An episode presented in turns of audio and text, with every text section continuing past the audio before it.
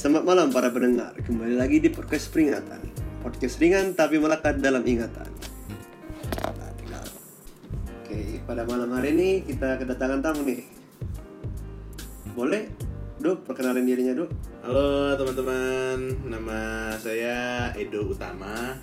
Bisa dipanggil Edo. Ini malam ini katanya mau diundang Mirja buat ngobrolin FNB ya?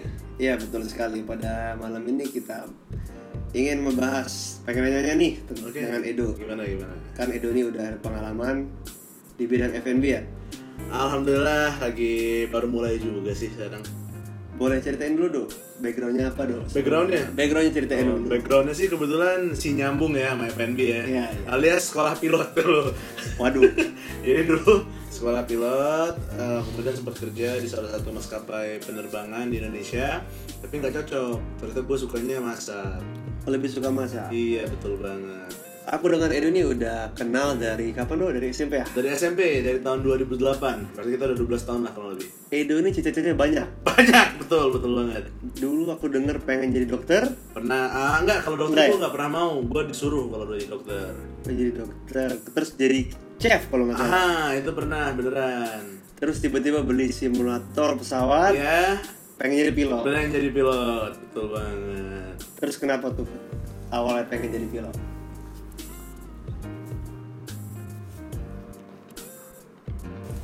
Ya standar sih ya alasan orang pengen jadi pilot mah karena suka traveling biasanya sama gitu. Oh, suka traveling. Hmm.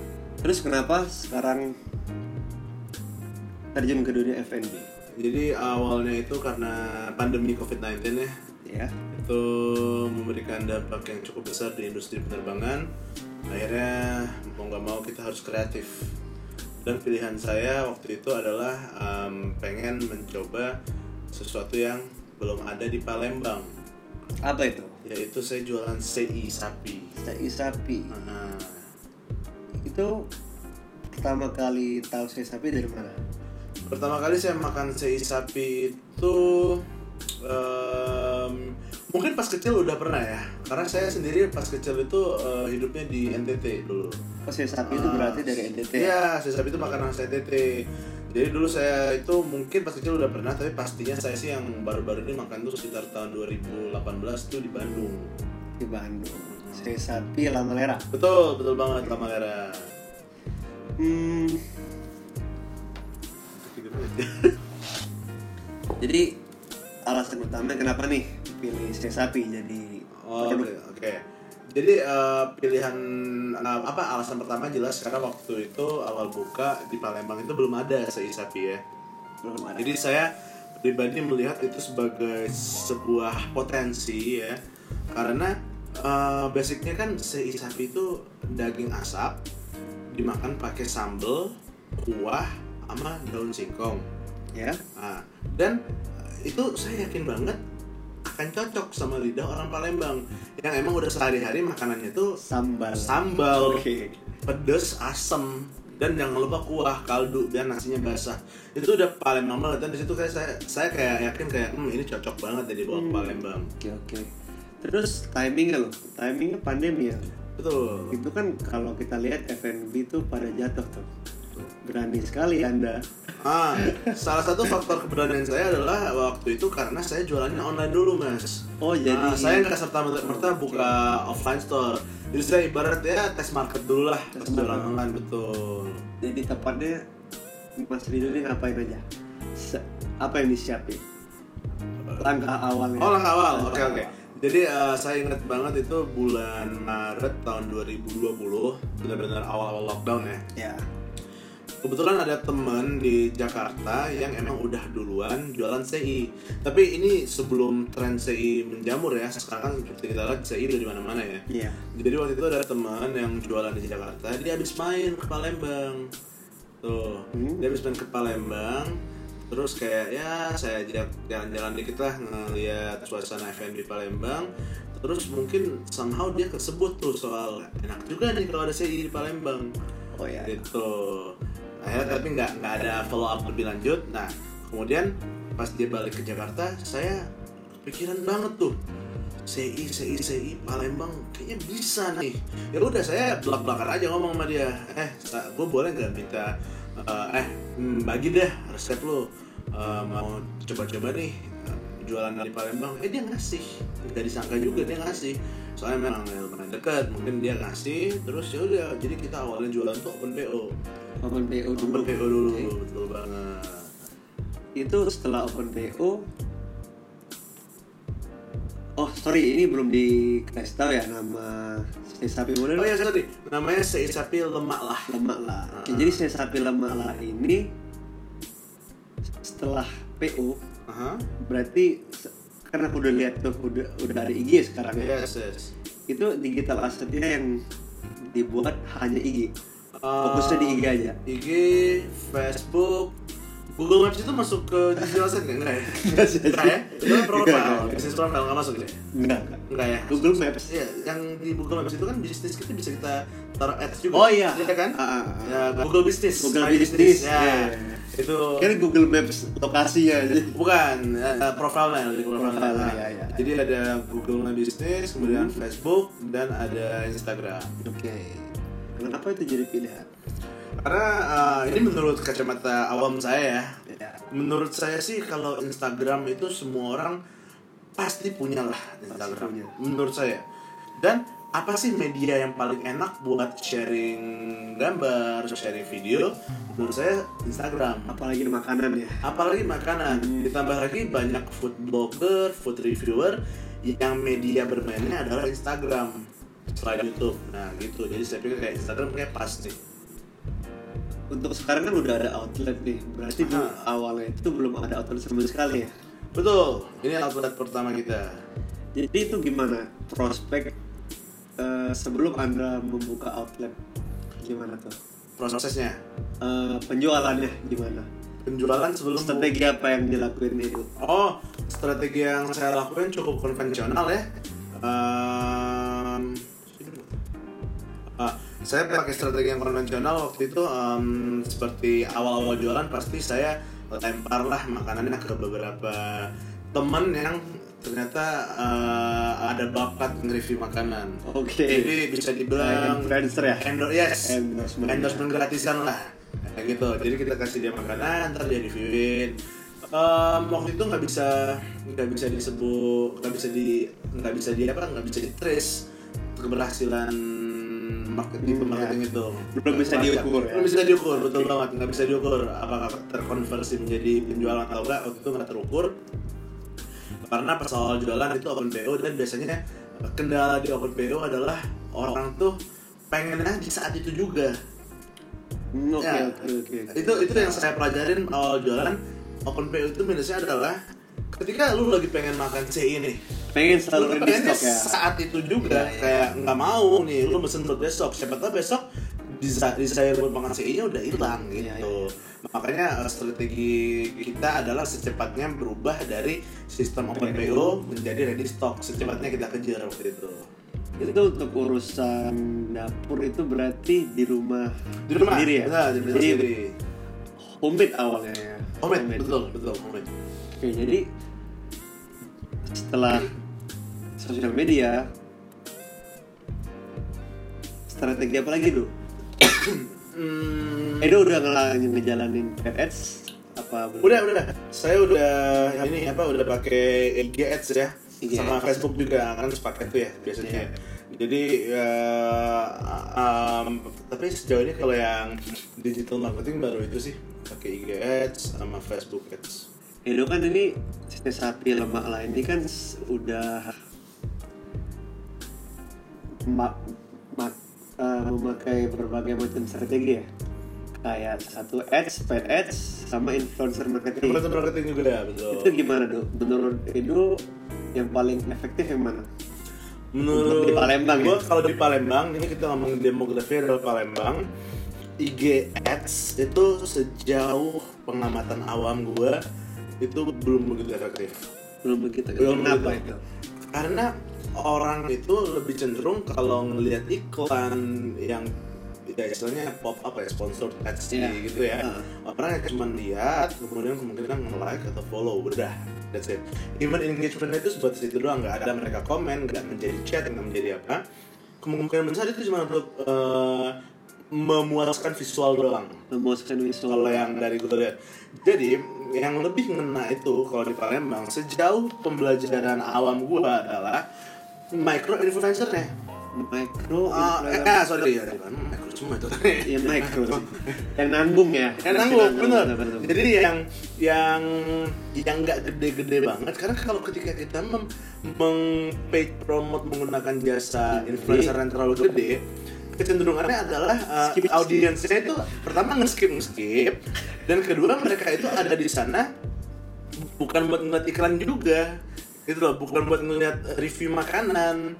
Oh betul. Gitu kan? Karena mereka tuh di sana melihat lifestyle si influencernya apa ya baju yang dia pakai apa tren yang sedang dia lakukan. Sedangkan untuk makanan biasanya akan lebih mengerucut ke um, influencer yang memang spesifik spesifik di bidang makanan Di bidang makanan. makanya gue bilang itu micro influencer karena dia itu niche di makanan doang oke oke dan yang bisa gue bilang micro ini sekecil 10k follower gitu kemungkinan konversinya lebih tinggi ketimbang yang udah sampai ratusan ke Jadi itu conference rate-nya lebih tinggi. lebih tinggi menurut gue Micro micro influencer yang emang spesifik gitu ya review makanan gitu gitu loh Oke oke oke. Nah, itu lebih tinggi dan, dan sejauh ini menurut gue strategi yang efektif di Palembang adalah itu Sorry untuk micro influencer itu average followersnya berapa tuh kira-kira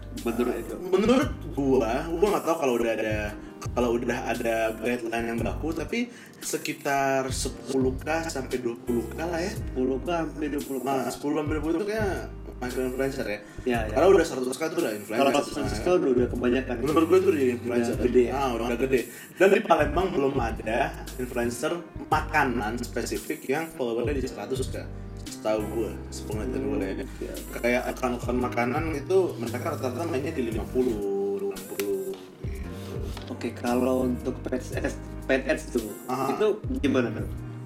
Eh, konversinya gimana? Ah oke. Em, jadi kalau paid ads itu kan sistemnya eh, kita bayar buat eh, biar iklan kita itu tayang di profil orang-orang kan ya. Iya.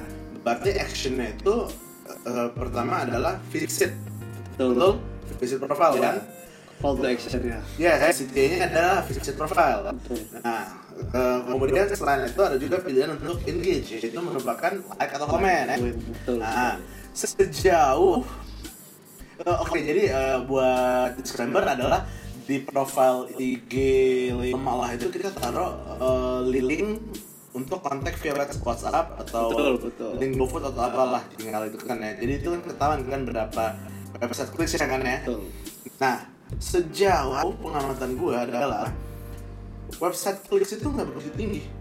Nggak Jadi, begitu tinggi. jadi makanya tadi yang sempat gue singgung di awal adalah IG ads sejauh penggunaan gue saat ini mungkin gue salah lah boleh temen-temen koreksi lihat lihat Ya. akun kita Betul. mungkin gue salah penggunaannya atau gimana tapi sebatas memuaskan visual audiens saja mereka lihat makanan kita mereka like mereka mungkin mereka follow tapi itu pun nggak certain.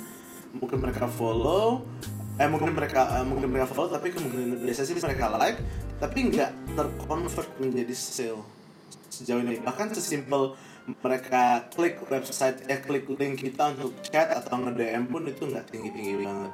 Makanya buat sekarang gue lebih yakin sama marketingnya konvensional lah jadi kita promosiin ke radio misalkan atau promosiin ke mana media-media lain. konvensional ya. masih konvensional betul banget Oke, jadi jadi aku kan juga baru di dunia marketing. Oke. Aku dengar dari lecture itu dia bilang untuk dari 100 clicks Hmm.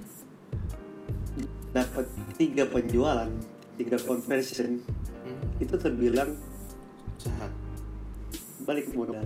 oke. Karena coba dihitung. Kalau misalnya aku jual PMP ya, satu, satu pembelian pasti minimal 60 ribu. Oke oke. Untuk 100 100 link clicks itu seenggaknya itu habisnya 100 ribu. 100 link Ah, ah, oke. Kira-kira gitu. Aha. ya berarti untuk mendapatkan Berarti belum disinggung ya, Edo kira-kira spend budgetnya berapa? Oh iya untuk budget sorry. Ah. Eh, dulu kita lumayan gede, tapi makin ke sini kita Hmm. em, kita kan udah seperti yang saya bilang tadi di awal udah nggak begitu ngebet nih pengen digital activation ya Ya. istilahnya ya. Hmm. Kita sekarang lebih main konvensional, jadi buat sekarang jujur yang lagi aktif paid promote kita itu di 30.000 per hari selama 7 hari. Jadi ribu.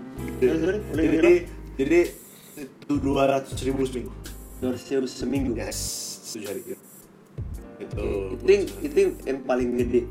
Nah, kalau dulu Yang paling gede gimana? kalau dulu kita pernah ah, pas lagi pas lagi jualan online doang ya. Ya. Berarti kalau kita jualan online kita ngarepin ngarepin ads yang online juga dong. Ah, betul, betul. Itu kita pernah di paling gede itu 500 ribu tiga hari. Tiga hari di ratus ribu. Iya, berarti ya. sekitar 170 ribuan kalau nggak salah ya. Berapa? 170 ribu Itu kalau kalau ingat seberapa ya? Apa yang? Pixel. Oh, mau dicek. Boleh deh, cek aja dulu. Bentar ya. Konten konten dulu ini. Demi kepentingan konten.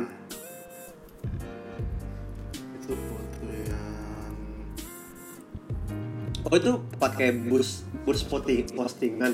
ah Oh itu pernah nggak pakai video? video. Oh. Video pernah juga. Pernah. Ah. Video ada juga nih. Video yang ini kan kita promotin nih. Hmm, oke. Kalau untuk video 511 klik. 511 nih. Ah, sorry, kalau yang ini 200 ribu. 200 ribu Hmm. per Cuma sehari deh kayaknya. Sehari Sehari 200 atau dua hari gitu. ah. Jadi per hari saya per hari saya itu yang conversion Eh, eh, ya kita nggak jujur kita nggak tahu cara ngukurnya ya eh, nggak ada itu ya bang notes penjualan berapa oh jadi Ah. selama di masa di masa promosi ini nih, dari itu dari yang aksesnya yang via link. Klik yang ini ya? Ah, ah. kan ini 24 Juni ya. Visit visitor saja kan 5 nih. Ah, ah. tapi 0% kan promotion. Zero percent.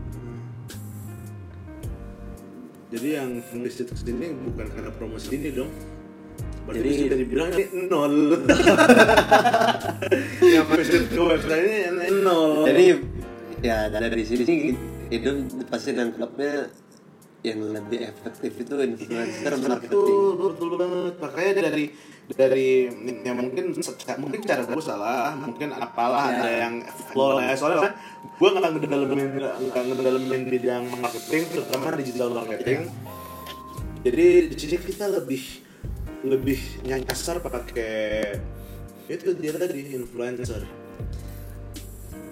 Soalnya kalau PNS PNS itu dulu aku dengar dengar dari lecture yang lebih berpengalaman lagi. Itu memang lebih tricky karena itu perlu trial kayak test gitu loh. Oke. Itu, itu bakal ada mekanismenya itu kayak gimana ya? Nanti nanti itu kan bisa di save setiap settingan interest. Oke oke. Oh ya reguler. ya ya itu kita trial terus dengan Mana yang yang, minim dulu ya, dari yang minim itu kita, kita cek yang mana yang terbaik Aha. dari ad set karena bisa di bisa di bisa dicabangin kan oke satu ad itu berapa ad set Aha. Interest itu baiknya diisi makin banyak atau sedang atau ada takarannya? kenapa sorry Interest itu ada takarannya nggak dalam mengisi sih? interest Audience. Pokoknya itu re- relevansi dengan produk Mhm. sama dengan jumlah target Jumlah itu lebih banyak lebih baik atau enggak? kalau aku dari lecture itu lebih dikit Lebih dikit sebenarnya. tapi ada beberapa case aku baca bacanya lagi itu emang lebih baik kalau lebih broad lebih Oh, oke. Ntar ya, gue gue mau nunjukin kemungkinan gue salah. karena di sini gue hajar banget. Apa? Interestnya. Nih maksudnya? Gimana? Interest audience ya. Itu kan kita ketik sendiri kan? Ya oh ini nggak nggak dari itu. Bisnis shoot Ya. dari dari sama aku yang bisnis shoot ininya kan nggak bisa diniru di sini. Lu lu ngerti sih diniru dulu nah ngerti nih bisa niru nih ini kan nah interest Eh, tapi kalau kalau kalau dari lu oh lu salah ya harusnya dari Bisnis bisnis itu. Ah. karena kalau dari bisnis itu juga bisa le- lebih kecil lagi loh oke di bisnis itu shoot eh misalnya di ads manager ya udah ganti nama kan ads manager udah ganti nama kan enggak beda. Kalau di dalam bisnis itu ada pilihan lagi. Oh. Di dalam bisnis itu Iya. ada tools itu ads manager. Nggak ada ada lagi aplikasinya ads manager. Oh, ada, kalau dari HP Ah. kalau di web Nah. bisnis pun di diarahin lagi. Ini kemarin gue pernah pakai eh, apa namanya? Pakai eh, business suit ini cuma kayak tampilan report doang. Cuman karena menurut gue um, mirip-mirip aja ya dulu jujur ya gue tahu ilmu gue tahu ilmu marketing uh, lah tuh kalau mau pakai IG ads jangan dari IG tapi pakai bisnis itu itu dari TikTok oh iya Iya. Oke. ada mbak mbak TikTok. ada mbak mbak yang ngasih itu kayak edukasi kayak lu kalau mau promoin barang pakai IG ads jangan pakai IG ads bawaannya tapi pakai bisnis suit ya harus cobain. waktu itu kan. Tapi perasaan gini gini aja. Tapi bisnis itu dari komputer. Bener karena kalau di HP itu bisnisnya nggak diarahin ke ads manager. Karena kalau di website itu ads manager itu masuk ke tab lain. Oh kalau di HP itu ada aplikasi lagi ads manager aplikasinya. Jadi kalau di bisnis itu kalau di komputer diklik ads manager Aha. itu bakal kolom baru nah di itu kita bisa lebih luas saja tinggal Oh, lebih banyak pilihan gitu. lebih banyak Lebih banyak pilihan. lebih banyak Jadi nggak cuma sekedar umur dan benar tapi interest tapi- lebih dari itu ya. kurang lebih sih sama Tapi lebih kayak- detail. ya lebih detail itu terus Ah, tadi kan lu, lu tahu jumlah Jumlah jumlah target audiens jumlah target audience itu oh ada, tapi itu bukan kita kayak ini editing. Jadi si Instagram tahu kurang lebih segini nih audience yang lihat. itu bisa di Itu bisa kita setting ya sebenarnya. ya dari Nih, kalau gua kan dikasih tahu nih potential people reach. Ini dikasih tahu sama si IG-nya. Cara lu lebih turun lagi lu gimana ini Biar lebih turun. nah Nah, kalau saya umur umurnya kita kecil kecilin. no Enggak, gitu. salah Oke, oke. jadi kok jadi aku yang Kenapa? Kenapa? Ya, pokoknya kalau yang aku dapat itu jadi di manager Aha. jadi misalnya kita pilih cooking Oke. Sama local food apa kan pempek nih itu kan pempek Oke. itu kan otomatis kan eh, jutaan orang ya local food Yes. kan banyak Banyak banget. cooking apa lagi Ah. nah Mau kita persempit dong. nah, kita persempit ada lagi di bawahnya ada pilihan hero Hmm. jadi kayak Top kategori. Ini namanya Oh, irisan, irisan. irisan ya irisan bisa Spesifik banget. makanya itu bukan bukan cuma dua irisan bisa tiga Bisa lebih. bisa bisa spesifik gitu deh? emang makanya itu harus dibuka di di di ada Di Oh, eh, di fiksi. Aku juga lihat di ayat bener yang di aplikasi itu nggak ada pilihan hero. Oh, oh. Harus bener-bener ada. ya, ya harus dari aplikasi ya. Iya, harus harus. Ah, Oh, oke ini baru tahu, baru tahu. Jadi mungkin ini kan ini Mas Sambut jangan pakai Betul. jangan pakai bawaan itu ya buku lainnya di divisi Ya emang ya udah dah. gimana thank you makasih ya mas buat mas Edo buat ah, sih gitu oke makasih mas. Sharingan saya